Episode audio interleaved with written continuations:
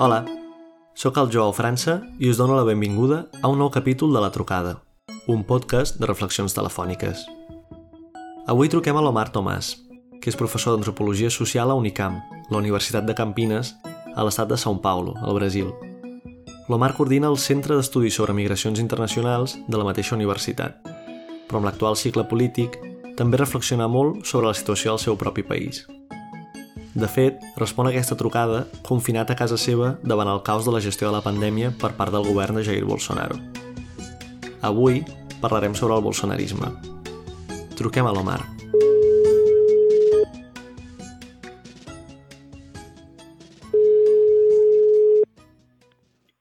Sí, hola. Hola, Omar. Com estem? Molt bé, i tu? Bé, bé, bé. Gràcies per, per rebre aquesta trucada. No, tranquil, perfecte.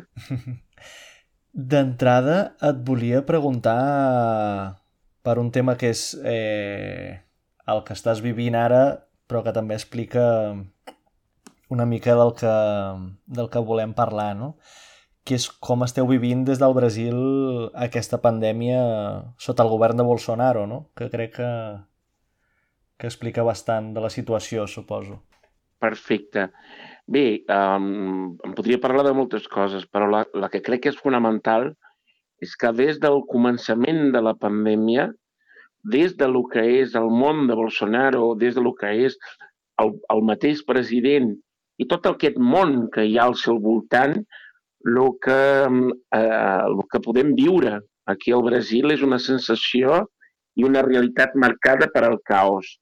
O sigui, el, eh, totes les iniciatives que es prenen eh, d'altres esferes del poder, o sigui, des de les ciutats, dels pobles, o des dels governadors de l'Estat, o des dels mitjans de comunicacions, o des dels moviments socials, tota aquesta, tota aquesta gran quantitat d'iniciatives, perquè n'hi ha moltes iniciatives pel que fa a la pandèmia, eh, són percebudes per part del govern com un problema. I llavors el govern, amb tot el seu, el seu, el seu aparell, no? l'aparell de l'Estat, el govern el que fa és promoure una mena de caos, o sigui, critica, eh, desmobilitza, eh, fa poc cas de la pandèmia, fa poc cas dels morts, eh, insisteix que no té cap mena de responsabilitat ni financera, ni cap mena de responsabilitat ni institucional, no res, o sigui, això cada dia com una, una, una, diguem, una, una mesura de, de, de desmobilització pel que fa a la, a la pandèmia. I al mateix temps, el, des del govern federal, l'única institució que mobilitza, que pren espais, i, i si, si ho fa bé o no és una altra cosa, però l'única institució que mobilitza i pren espais és l'exèrcit. O sigui, d'una banda, el, el president diu que no passa res, que tot això és una gran conspiració del globalisme, que el virus no afecta la gent, que, que, bueno, que si la gent mor, bueno, d'acord, que podem fer, eh, que es moriran els més grans, que es moriran els, els, els gordos, o sigui, aquestes coses. D'altra banda, el, el, el, el, no tenim ministre de la Salut, això és molt important de dir-ne, o sigui, nosaltres, quan va, quan va començar la pandèmia, en teníem un ministre, però el ministre va entrar, va entrar en rota de col·lisió amb el president, va sortir, al cap d'un mes, crec jo, o alguna així, el segon ministre de la Salut, al cap d'algunes setmanes, també va entrar en rota de col·lisió, sobretot al voltant de la polèmica de la cloroquina, perquè el president sortia a la televisió fent propaganda de cloroquina, i llavors vam estar sense ministre, estem sense ministre de la Salut. El que tenim és un senyor que no és el ministre ple, però que és un senyor de l'exèrcit. No? Llavors, l'única institució que pren espai des del punt de vista del govern federal és l'exèrcit. O sigui, eh, una altra vegada tornem a, diguem-ne, als pilars d'aquest govern Bolsonaro eh, que es, eh, entre els pilars del govern Bolsonaro tenim, sense cap dubte, l'exèrcit que està a, a dintre del govern més que, eh, més que mai. Ara, tu diries com estem vivint, que jo crec que potser és una resposta molt... Estem vivint en una situació molt estranya de por, de confusió, perquè des del començament tenim un missatge de, de, de Brasília que és un missatge totalment diferent d'aquest missatge que donen el, les institucions de salut, per exemple. Uh, tenim una situació de caos, o sigui, tot el que és el confinament o l'aïllament social es fa en cada lloc d'una manera diferent, els mitjans de comunicació eh, ens donen notícies que són molt eh, contradictòries, no?, pel que fa als diferents espais del país, aleshores jo diria que també tenim una sensació de, de confusió i, i de por i de no saber exactament el que està passant. Mm -hmm. Jo, la qüestió de l'exèrcit que, que la plantejaves, a mi m'interessa que després entrem en això, però també l'altre dia quan parlàvem em, em vas plantejar un tema com, que em sembla molt interessant i que crec que està molt vinculat a tot això, que és un menyspreu a la vida no? per part d'aquest govern. Total. O sigui, el que és de les coses més impressionants és que, bueno, Bolsonaro no sorprèn ningú. O sigui, Bolsonaro eh, sempre ha estat un senyor que tot, tot, tot el que és a, a, a, aquesta, aquest, aquest món de, de violència, eh, tot el que és, per exemple, la tortura, la tortura policial, o sigui, aquestes coses donen tota la seva vida de, de política mediocre. Bolsonaro sempre ha estat d'acord amb aquesta mena de situació, no? Uh, per de sobte, durant la pandèmia, això ho hem vist de manera molt concentrada. O sigui, el president, des del primer moment, la, la primera cosa que va dir és que no havia morts. La segona, que va fer, la segona cosa que va fer va ser criticar els governadors de l'estat que buscaven eh, eh, trobar formes de promoure enterraments d'aquests morts. Llavors, criticava la mateixa, el mateix enterrament, o sigui, tot el que lo, lo, deia, bueno, eh, ridicularitzava. No? D'altra banda, quan els morts es feien evidents i els periodistes li demanaven, bueno, i ara ell diu, i jo què? Que, i, I jo què? Que, que, que, que, que, vulgui, que vols que faci? Després, quan es parlava de situacions específiques, ell manifestava una... En cap moment, en tots aquests mesos, en cap moment, el president ha dit que sentia per, pels familiars i pels, pels amics dels morts. Tot el contrari. D'altre, en determinats moments, fins i tot, ell va eh, riure de la por, o sigui, de la gent que tenia por. No? Llavors, el, si agafem el dia a dia del president, el dia a dia del president, veiem que té una, una característica que és una característica mateixa del feixisme, no? O sigui, ell preu per la mort dels altres, no? O sigui, evidentment, el feixisme no vol morir, però ell té menys preu de la mort dels altres i ell, el feixisme, ridicularitza la por que els altres tenen de la mort. O sigui, una de les, de, una de les coses que aquest govern va dir a, a, a, davant de, la, de, les, de les propostes de, de confinament va ser abans la mort que perdre la llibertat. Bueno, això era una frase de Mussolini, o sigui, abans la mort de qui?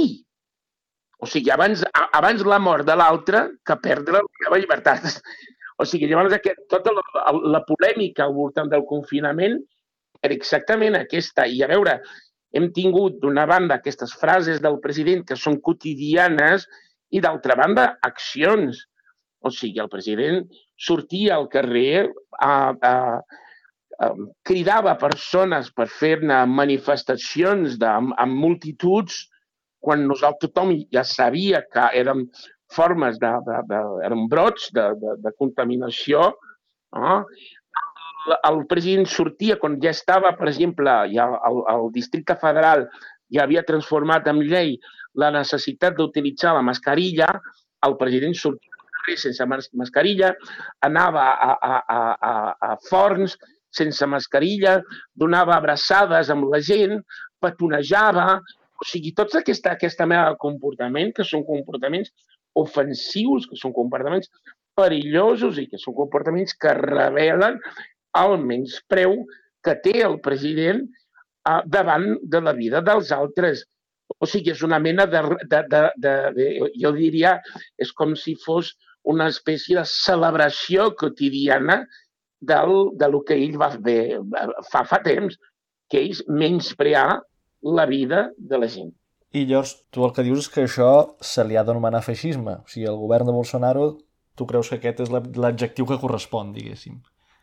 Jo, jo mira, vaig, mira Joan, jo vaig pensar molt, no? durant molt de temps, jo vaig ser dels que vaig resistir amb aquesta mena de classificació.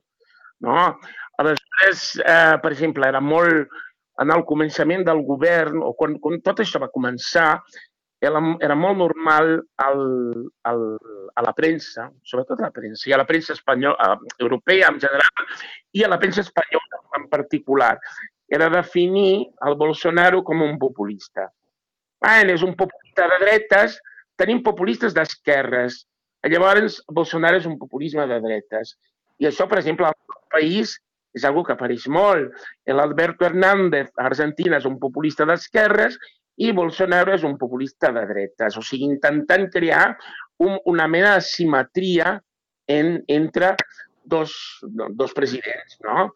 Bueno, jo, el que és evident és que davant dels, dels fets no, això no resisteix. O sigui, i, i, I la paraula populisme en el context llatinoamericà, llatinoamericà és una paraula que té molta història i no si, evidentment, que trobarem elements amb el qual podrem connectar Bolsonaro eh, amb el Lula, per exemple, aquesta connexió amb, amb grups populars, això és real, o podem trobar connexions, si voleu, amb el Getulio Vargas, d'acord, però al mateix temps són tan poques connexions, o, o, dit, o, o, o per dir-ho d'una altra manera, aquestes connexions estan al mig de coses tan diferents que jo crec que aquesta paraula perjudica més del que ajuda.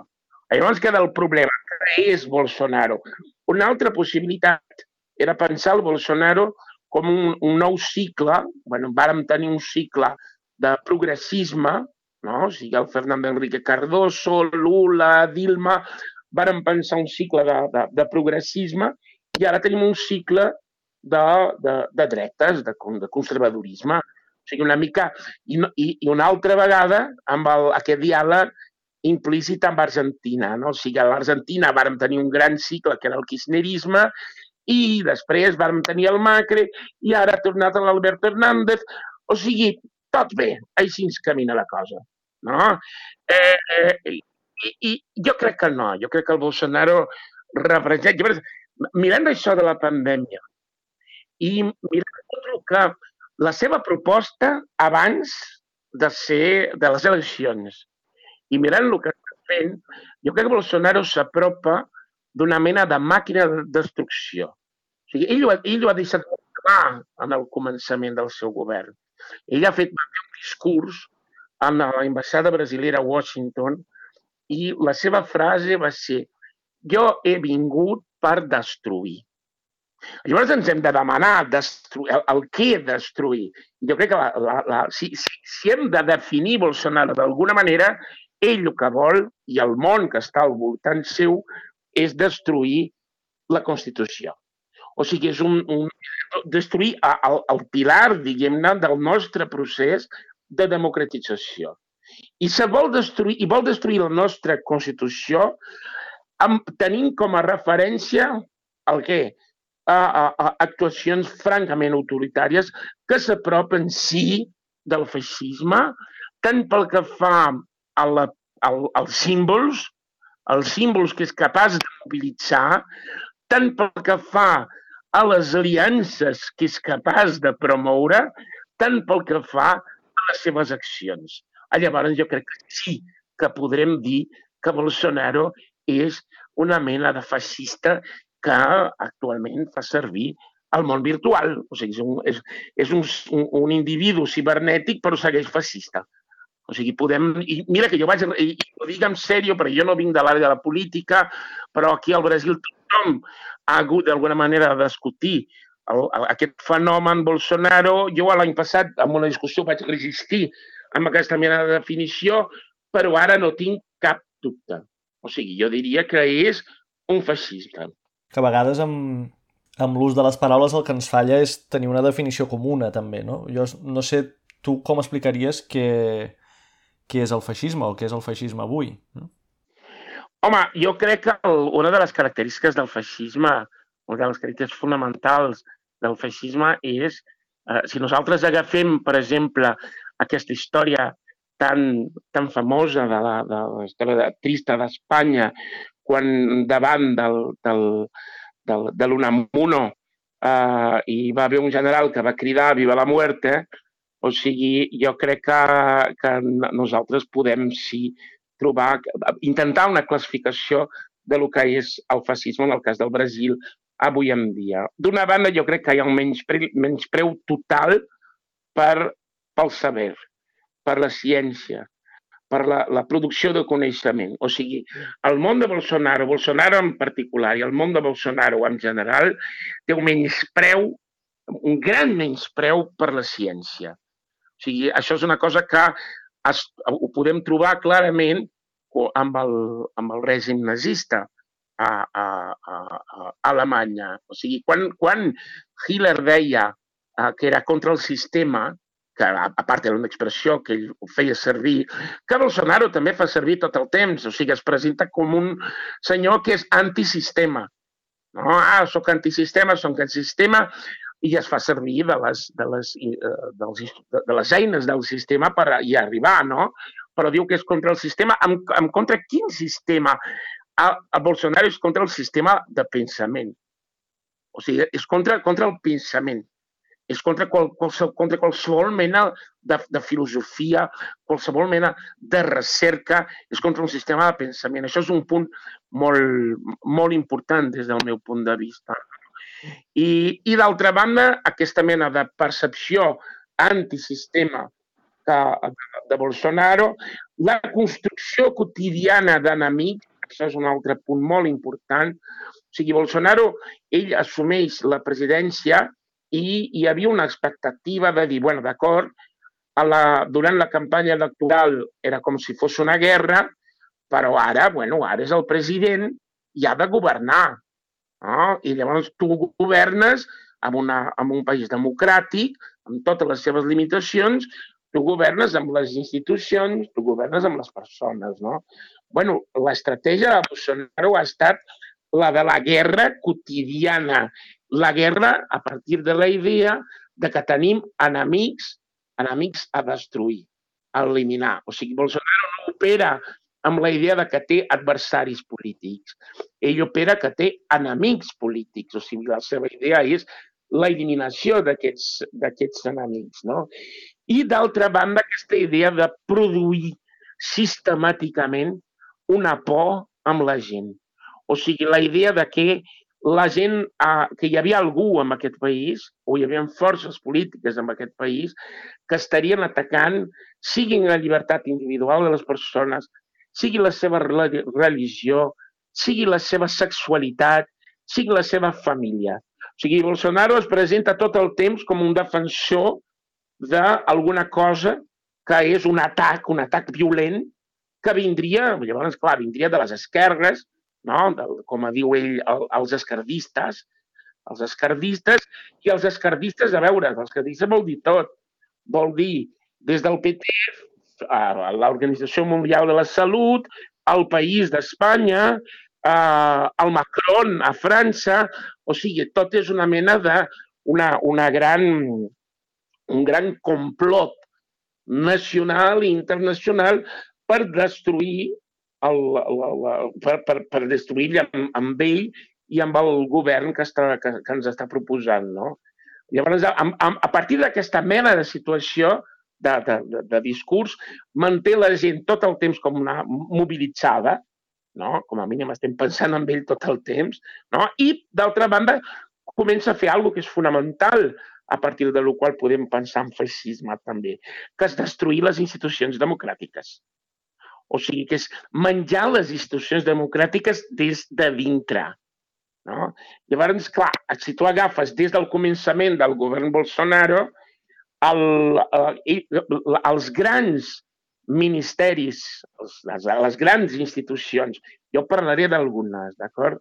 Si nosaltres pensem al Brasil, pel que fa a tot el que és la, la conquesta de drets i garanties per part de les minories, no? de, les, de la que nosaltres diem minories. No? Com, com s'ha fet això? S'ha fet a partir de la creació d'institucions i de consells. No? Si nosaltres agafem institucions, la, tot el que és la FUNAI, que és la institució eh, eh, connectant amb les poblacions indígenes del Brasil, en el període democràtic la FUNAI es va transformar en una institució federal que, que era aliada de les poblacions indígenes. O sigui, és un, és un braç del govern que s'alia amb les poblacions indígenes. El mateix amb la Fundació Palmares, per exemple, que és una fundació que es va crear durant els anys 80 al Brasil, que era una, una, una fundació del govern federal que havia de representar una aliança entre el govern federal i les poblacions d'origen africà al Brasil, els negres urbans, els negres camperols, els quilomboles i tot això. Eren institucions que s'havien de, de fer amb aliança i, sobretot, fer complir allò que estava a la lletra constitucional del 1988. No?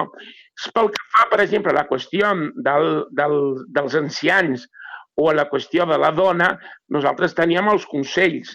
O sigui, des del govern Cardoso es van crear consells que eren de, amb persones de la societat civil que serien mobilitzats quan teníem determinades situacions, no? I per complir una altra vegada, per complir allò que estava a la lletra de la nostra Constitució. O sigui, una democràcia eh, evidentment imperfecta, una democràcia que s'estava construint, però hi teníem institucions que les anàvem construint, les anàvem fent, etc. L'altra institució, l'Institut Chico Mendes, eh, de la, de la, de, pel que fa a la qüestió ambiental, o l'IBAMA, pel que fa a la qüestió ambiental. bueno, quan el Bolsonaro assumeix la presidència, la primera cosa que fa és destruir aquestes institucions. De quina manera? Buidant, traient poder, traient gent, no? i d'altra banda, i posant enemics. O sigui, tenim una situació absolutament estranya en què amb la Fundació Palmares hi posa un senyor que és enemic de les comunitats negres al Brasil, a la Fundació Nacional de l'Indígena, a la FUNAI, hi posa un senyor que és, que, que és un enemic de les poblacions indígenes al Brasil, i aquesta lògica ah, ho agafem cap als ministeris també. O sigui, el Ministeri de l'Ambient posa un senyor que és enemic del medi ambient. El, el Ministeri de l'Educació, que és un desastre, o sigui, ha estat posant gent que els ministres tenien com a enemics els professors. O sigui, llavors tot el que són possibles ponts a construir amb el que és la societat, el que fa el govern Bolsonaro és trencar aquestes ponts i destruir les institucions per dintre. No? Aquest és una, és una característica molt evident de, del fascisme i pensar el fascisme com un procés. O sigui, i, i així ens podem tenir, i tenim una comparació bona. Si nosaltres pensem el que ha estat la dictadura militar al Brasil, nosaltres ens adonem que la dictadura militar al Brasil no ha estat d'un dia cap a l'altre. O sigui, vam tenir un cop d'estat al 1964, però entre la, tot el que és la dictadura efectivament, efectivament es va construir entre el 64 i el 69. O sigui, vàrem tenir cinc anys de construcció d'aquest règim efectivament repressiu, no? I nosaltres podem construir, jo crec que hem de construir una analogia de lo que va passar amb el que està passant actualment. Perquè els militars, justament, tu dius que tenen un, un pes molt important per explicar l'ascens de Bolsonaro, no? Totalment. O sigui, jo crec que la, una de les grans qüestions d'aquest govern és que el, el, el, el que és l'ascens de Bolsonaro va deixar molt clar que la nostra democràcia era una democràcia sequestrada. O sigui, el, durant nosaltres vam tenir la il·lusió de la construcció democràtica i vàrem tenir la il·lusió de que els militars estaven controlats pel, per lo que fa les, pel que fa a les institucions democràtiques i ara tenim clar que no, que no va ser així. O sigui, en el moment del govern, en el govern Dilma, quan la Dilma va institucionalitzar al Brasil una comissió de veritats, no? o sigui, una comissió de veritats sobre els crímens que es van cometre durant les dictadures al Brasil, atenció, que no va ser només a la dictadura militar, però va agafar períodes anteriors, quan, quan Dilma crea això, ella d'alguna manera, eh, això és rebut pels militars com una mena de uh, trencament.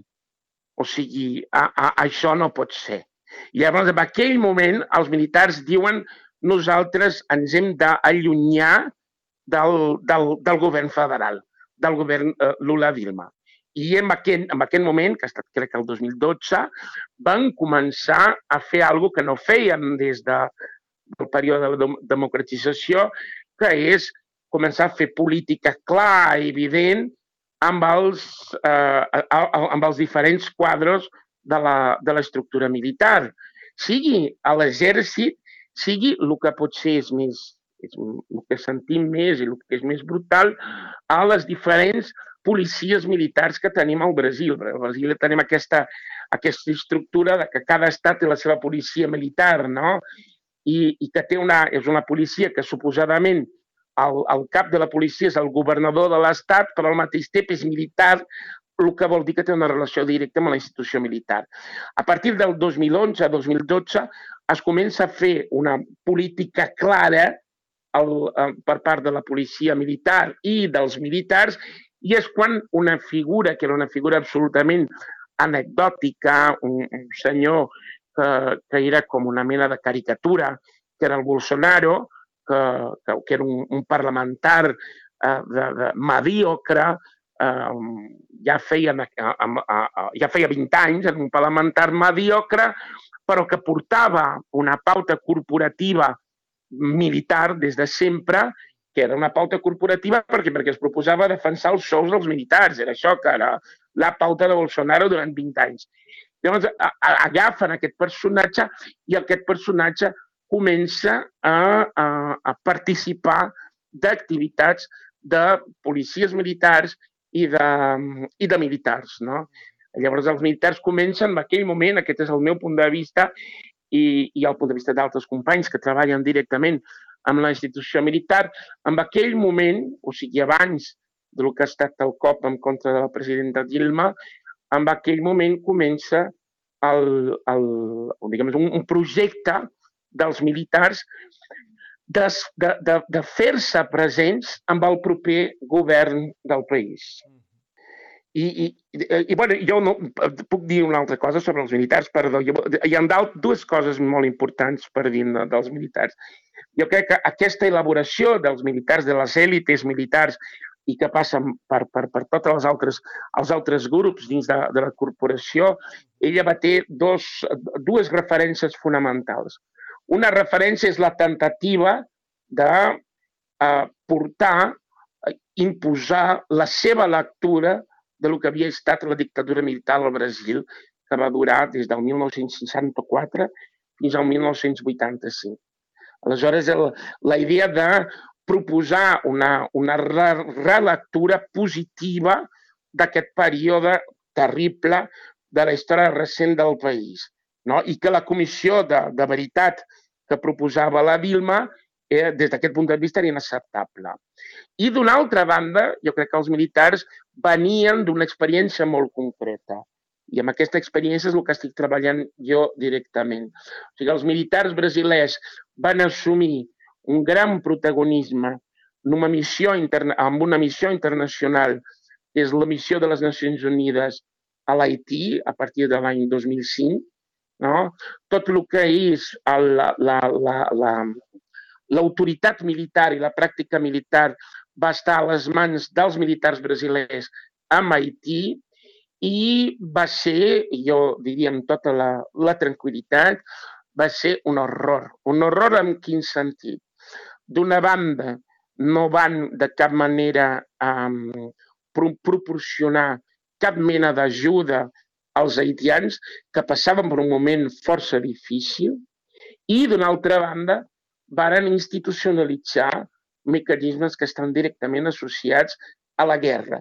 El que suposa accions violentes... Què, què és el que suposa la guerra? Accions violentes d'una banda i amagar informacions de l'altra. Aleshores, nosaltres eh, tenim una institució que arriba amb el govern brasilià ara, perquè estan en el govern, o sigui, ten, tenim més militars en el govern que mai no hem tingut en aquest, en aquest país, i que eh, quina, és la, la, quina és la referència d'acció d'aquests militars? És d'una banda promoure accions de guerra i d'una altra banda amagar informacions, que això és el que es fa en la guerra, amagar informacions. I aquesta experiència d'Haití va ser una experiència molt forta eh, que aquests militars varen dur per, per, per, per assumir la posició que han assumit amb el govern Bolsonaro. Mm -hmm. I quan dius promoure accions de guerra, ho dius en un sentit literal de que s'entén popularment per guerra o en quin sentit ho dius? Accions de guerra en el Brasil actual o en Haití, vols dir? O sigui, aquesta, aquest model que importen, no, diguéssim, del que van no, no, aprendre Haití. és accions de guerra literal. A veure, és la idea de, de per exemple, de a, a, a, tota la, una de les qüestions més brutals en el Brasil des de sempre el que, el que potser el que segur és la nostra, el gran problema de la, de la nostra democràcia ha estat la incapacitat que vàrem tenir per actuar eh, eh, davant de la, de la criminalitat urbana. O sigui, nosaltres, des de la, de, des de la, de la transició a la democràcia fins avui, eh, tot el que són les grans perifèries urbanes d'aquestes ciutats estan superexposades al, al crim organitzat, al narcotràfic i més recentment i sobretot a Rio de Janeiro, però no només a Rio de Janeiro, a l'actuació de les milícies, que és molt interessant, milícies que estan totalment connectades amb la base de Bolsonaro. Bolsonaro té una base miliciana i aquests militars, quina és la solució dels militars per tractar la qüestió de la violència que de fet afligeix la gran part de la població brasilera. És una tàctica de guerra. O sigui, si nosaltres el que sempre hem, hem pensat, no? o sigui, la, i, uh, aquesta, aquesta mena de guerra que hi ha en contra del crimen, que es, que es fa al Brasil i es fa en altres països d'Amèrica Llatina, tenim clar que aquesta mena de guerra quotidiana és una, és una forma que no es sustenta, perquè la violència només augmenta, la por només augmenta, la situació és cada vegada pitjor. Però els militars el que volen fer és radicalitzar uh, aquesta mena d'actuació violenta. Radicalitzar amb quina mesura? Amb la mesura de que la seva proposta fonamental, ara hem parat de discutir això per, en el temps de la pandèmia, però ja hi tornaran, però fins al començament de la pandèmia era la gran discussió, la seva proposta fonamental era que les accions militars no podien estar sumeses a cap mena d'estructura de, de, de jurídica. O sigui, és una mena de llicència per a matar, que és el que va tenir Haití. Perquè aquest és el punt fonamental. Haití, amb els enfrontaments brutals que van promoure els militars brasilers amb suposades milícies que no hi existien en els barris pobres de grans, el, el, el senyor que està al costat ara del president de la República, el general Heleno, està acusat de crímens horribles a Haití, però clar, com feia part d'un una, un, un, un, un, una, un aparato de les Nacions Unides, no, no, no, es pot, no, no, no, no, no se sotmet a la justícia haitiana. Bé, què és el que volen al Brasil? Volen actuar volen actuar a les faveles de Rio de Janeiro, volen actuar a l'Amazònia a partir d'una el que seria una, les votacions de GLOS, que es diu, eh? garanties de llei i d'ordre, volen actuar sense cap mena de responsabilitat jurídica, el que vol dir volen matar. O sigui, aquesta és la, diguem, la gran diferència actualment, que és la... Si nosaltres agafem la tensió que hi ha entre sectors de la policia militar actualment i a, a, a, a grups de la població en situacions de violència, el que nosaltres tenim és una mena de dir, bueno, fins, fins a on podem anar? Perquè el que volen justament és la idea de, bueno, podem matar sense que això suposi uh, un, un judici posterior. O sigui, és una situació de suspendre les garanties de les persones al, en una situació de, de guerra. És com una, una mena, sí, a veure, per fer una analogia, una de les grans qüestions d'Israel, i tothom ho sap, són les, les regions eh, palestines ocupades. I quina és la, la, el gran problema de les regions palestines ocupades? És que no, l'exèrcit eh, israelià pot fer el que vulgui. Pot fer el que el vulgui, que no hi haurà un procés jurídic posterior. No? Eh, volen transformar immenses regions del país en eh, eh, llocs d'ocupació militar sense cap mena de possibilitat d'advocats, organitzacions de la societat civil actuïn en aquesta regió. Parlaves de la qüestió de, de la inseguretat urbana, no? I el que jo, com a brasiler que, que ho veu des de fora, una cosa que em sobta i que no és que no és d'ara, diguéssim, no és del bolsonarisme, és el, o sigui, la diferència del que val la vida, no? O sigui, als carrers de Barcelona on visc jo o als carrers de, de Rio, no? Que potser la, la vida té aquest valor, o sigui, està més en risc, no? I el fet de treure-li la vida a algú és més barat, per dir-ho amb aquesta metàfora, allà que, que aquí. I això potser no està no, vinculat no, només no tinc... al Bolsonaro. Ah, digues. No, no, no, jo estic absolutament d'acord amb tu. O sigui, jo, jo eh, faig servir una, una idea que no és meva, que és una idea d'un sociòleg holandès, que és el senyor Abraham Schwann, que és un sociòleg holandès que m'agrada molt, però és una...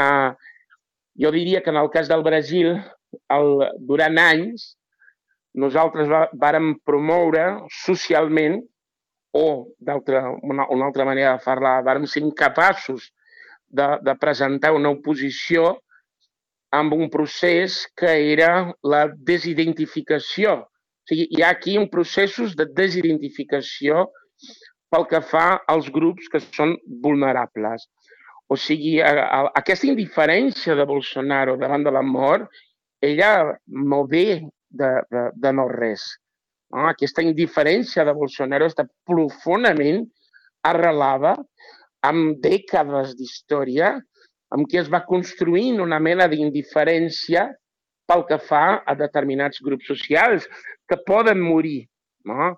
O sigui, nosaltres aquí en el, en el país, si nosaltres pensem el, sobretot del, des dels anys 80, 90, el que es va produint és el que nosaltres podem uh, uh, uh, definir com una producció social de la indiferència davant la mort de l'altre. O sigui, quan nosaltres vam tenir els grans massacres dels anys 80, el massacre del Carandirú, el massacre de la Candelària, no? o sigui, d'una banda són presos, d'una altra banda són, són nens als carrers, o sigui, aquesta mena de massacres que es van, eh, es van transformar en determinats períodes de la nostra història com algo més o menys quotidià, que són els massacres a les presons i els, els massacres de gent pobra, no?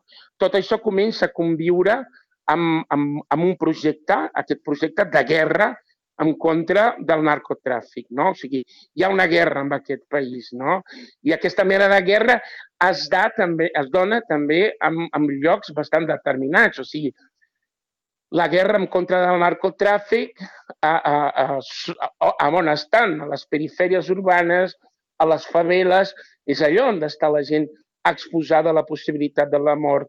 I des del punt de vista social es va construir una mena d'indiferència social davant de la mort, que és un ingredient fonamental perquè, eh, perquè puguem tenir un sistema feixista. O sigui, el feixisme, ell menyspreia la vida, no? com ho hem dit al començament. O sigui, Bolsonaro, ell, no, ell, ell, ell, ell diguem-ne, ell, ell, ell, ell sale de algo, no? O sigui, ell no està, ell està en un context que, eh, que, que és simbòlicament favorable en aquest país, ara, en l'any 2020, és molt difícil sortir a la, amb, a, amb la televisió i parlar de drets humans, per exemple, per grups de persones a les perifèries que tenen por, que viuen amb por, no? que estan al mig d'aquestes milícies, per exemple, diu, va, de què, de què parla aquesta gent? De què parlen? No? O, o sortir a la televisió dient que Bolsonaro fa uh, uh, uh, és gran, era gran amic d'un gran torturador de l'època de la dictadura militar. A veure, els torturadors existeixen en cada cantonada, en cada... Tothom sap el que passa dintre de les comissaries en aquest país. Aleshores, no és un torturador dels anys 70 que commocionarà la població. Aquest torturador commociona en mi, que sóc un, un professor de classe mèdia, no? Ara, aquesta població, llavors tenim un, tenim un problema. El nostre problema no és només com Bolsonaro. O sigui, Bolsonaro és més aviat, evidentment és un oportunista, perquè és un oportunista. Bolsonaro és un tio que no té imaginació, que no té intel·ligència, és un tio mediocre, no? O sigui, és un oportunista. No? Tenim un oportunista amb un determinat context que nosaltres vàrem ser incapaços d'evitar. De, de, no? O sigui, jo diria que el, el, aquesta, tu tens tota la raó. O sigui, hem, hem, hem convivint massa temps amb aquesta mena de, de desigualtat pel que fa a les, a, a, a les eines que defensen la vida. O sigui, el, en el país, o sigui, una vila, hi ha una vida que val més que altra. I això és, un, una, això és, una, és una gran qüestió. Tenim tot, tot això degudament analitzat, sistematitzat, tenim dades, tenim, o sigui, no sorprèn ningú, però hem, no, no hem aconseguit fer res. I llavors Bolsonaro és també i sobretot resultat d'aquesta d'aquesta producció social de la indiferència davant de la, de la mort que s'ha produït en aquest, en aquest país que hi ha una qüestió que potser és la que, és la que sorprèn més, que és que ell va aconseguir el suport d'aquestes classes populars que, que segurament surten eh, més perjudicades de les seves polítiques, no? Com s'explica això, diries? Sí, jo crec que hi ha, hi ha una cosa, o sigui, som, no, ara és 2020 i nosaltres vam tenir els anys de les eleccions, no? o sigui, l'adhesió de lo que serien de les, de les classes populars de Bolsonaro no va ser uniforme, no va ser uniforme, o sigui, em va sorprendre, a mi particularment em va sorprendre molt més l'adhesió de les classes mitjanes a Bolsonaro, no? O sigui, les classes populars vàrem trobar molt més, moltes més sutileses, o sigui, les recerques van demostrar que entre les classes populars el, el sud votava més a Bolsonaro que no pas al nord, els blancs votaven més a Bolsonaro que no pas els negres, els homes votaven, votaven més a Bolsonaro que no pas les dones. Aleshores, la, el vot de la classe popular va ser molt més heterogeni que no pas el vot de la classe media urbana, que va, ser, va arribar al 70%, en el cas d'una ciutat com a São Paulo, o ciutats com a Rio, o ciutats com a Curitiba. Llavors, això sí és una cosa que hauríem d'estudiar de, de, molt, però el fet és que nosaltres vàrem tenir un suport immens de perifèries de determinades ciutats del país. O sigui, no, no, vàrem agafar aquests llocs de, de perifèries urbanes, de Rio, per exemple, van votar massissament a Bolsonaro. Com explico això? Jo estic segur que Bolsonaro va ser capaç de mobilitzar aquest discurs de la por. O sigui, ell va, va, va, va aconseguir agafar aquesta por que, que la gent té la gent viu amb por, no? I va aconseguir convèncer que els opositors eh, eh, amb, amb ell eren opositors de? De tot allò que aquesta, tots aquests llocs on, on la gent se sent segura. O sigui, van aconseguir convèncer, per exemple, que els opositors de Bolsonaro estaven en contra de l'Església. L'Església és un lloc amb la gent, la gent de la perifèria és un lloc de segurança, seguretat, no? O sigui, tu vas a protestant, sigui catòlic, o sigui, el lloc de l'església és un lloc on et trobes amb persones com tu mateix.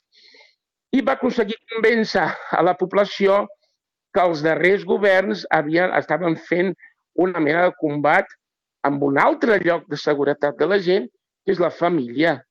Llavors és quan això es va popularitzar aquesta idea absurda de que els governs progressistes atacaven la família, amb la dictadura gay, amb el, amb el, el, el casament igualitari, amb el que sigui, tot això està destruint la família. Jo crec que amb, amb, a l'alimentar aquesta por, que no té, no té cap base empírica, perquè la por ve d'un altre lloc, no? O sigui, però aconseguir, es va aconseguir fer-se amo d'aquesta por i doncs manipular aquesta por d'una manera impressionant. I en aquest sentit és molt important comprendre les noves xarxes socials també.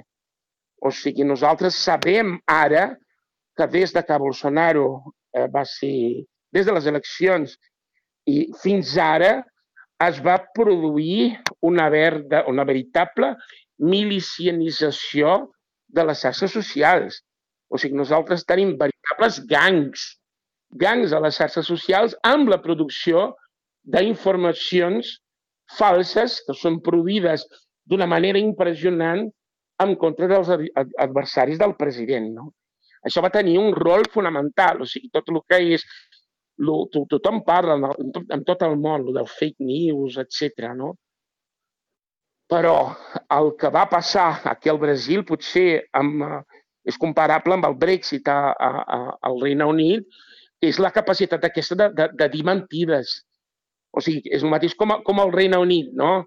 Surt una, un missatge que diu, bueno, si el Brexit, uh, si el Brexit uh, no guanya, uh, tots els turcos tindran ciutadania anglesa.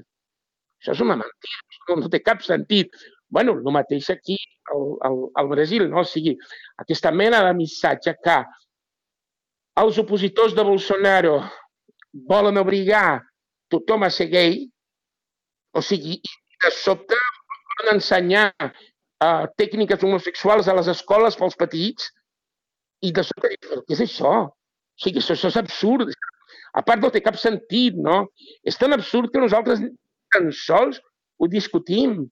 I aleshores, clar, no, no ho discutim, per això és el que, el que a les parades d'autobús és el que la gent parlarà, no? Clar. Clar. Omar, portem uns tres quarts d'hora que ho hem d'anar deixant aquí, però et volia dir abans si, si volies enviar algun missatge per qui t'escolti des de, des de Catalunya, no? com per poder pensar a partir de la situació de, del Brasil, no sé bueno, jo crec més que mai, això ho dic amb molta sinceritat, jo crec que més que mai, amb, com sempre que, que tenim una situació autoritària o de construcció autoritària, les aliances internacionals són fonamentals. O sigui, jo crec que el, una de les coses més brutals que ens pot passar ara és una mena d'indiferència pel que ens està passant. O sigui, jo crec més que mai que a Barcelona, a Catalunya, s'haurien d'organitzar comissions de suport a grups específics, o sigui, sigui les poblacions indígenes, les poblacions tradicionals, eh, sigui les poblacions de les faveles, organitzar comissions per entrar en contacte directe amb aquesta gent que està, eh, que, que està combatent el, el Bolsonaro i la pandèmia, no? i connexions eh, entre les universitats, connexions polítiques entre les universitats. O sigui, perquè de, de vegades nosaltres aquí, bueno, jo treballo a la Universitat de Campinas i evidentment cada, cada, cadascun de nosaltres té connexions amb l'estranger. Però eh, quan parlem, de sobte sentim una mena d'escepticisme de la gent que està a l'altra a l'altra banda, com, bueno, tampoc està passant coses tan serioses, o potser el que està passant al Brasil no és tan diferent del que està passant en altres llocs, uh, ah, el que passa al Brasil no és diferent del que passa als Estats Units. Jo crec que no, jo crec que és diferent. Potser m'equivoqui, potser m'equivoqui, però jo crec que és diferent i podríem parlar hores de per què crec que és diferent. Però jo el que sí puc afirmar és que en aquest moment calia aliances, eh, o sigui, aliances sigui amb polítics locals, sigui que fins i tot cansar la gent. O sigui, cada vegada que es parli de qualsevol cosa que estigui relacionada amb democràcia i, dret, i drets humans, s'havia de parlar del que està passant al Brasil. O sigui, no importa en quina situació. O sigui, si, a veure, si un cantant eh, faré un recital, el que es feia abans. Hem de recordar el que està passant a, a, a Brasil, que té un dictador, un projecte dictador, que és Bolsonaro. Jo crec que això és molt, molt important. És construir aquesta mena d'aliança, perquè, a veure, a veure, potser estic equivocat, tant de bo estic equivocat, perquè la veritat jo crec que passem per un procés de construcció d'un règim força autoritari i, i, i que té amb la seva marca la brutalitat. No? Llavors, clar, aliança, les aliances internacionals són fonamentals. I jo, jo conec Barcelona fa molts anys, que me'n vaig anar de Barcelona, ja fa 30 anys, però una de les coses que sempre més m'ha encantat a Barcelona, per exemple, és l'organització pel que fa als barris, no? les organitzacions de barri. Llavors, amb, el, amb els barris on estan discutint i problemes del barri, al mateix temps es pot posar una nota i dir-ne, bueno, no ens oblidem d'això. No? O sigui, jo crec que tot això és molt, és molt important. Doncs a veure si, si podem demostrar aquest internacionalisme, perquè de l'altra banda sí que ho estan fent, no? Vull dir que... Perfecte. Molt bé. Moltes gràcies, Omar. Un plaer parlar bueno, Joan, molt, moltes gràcies. Espero que hagi parlat bé el català. Sí, tant. I... bueno, moltes gràcies. Moltes gràcies i fins aviat. Una, Una abraçada. abraçada. Adéu. Adéu. Adéu-siau.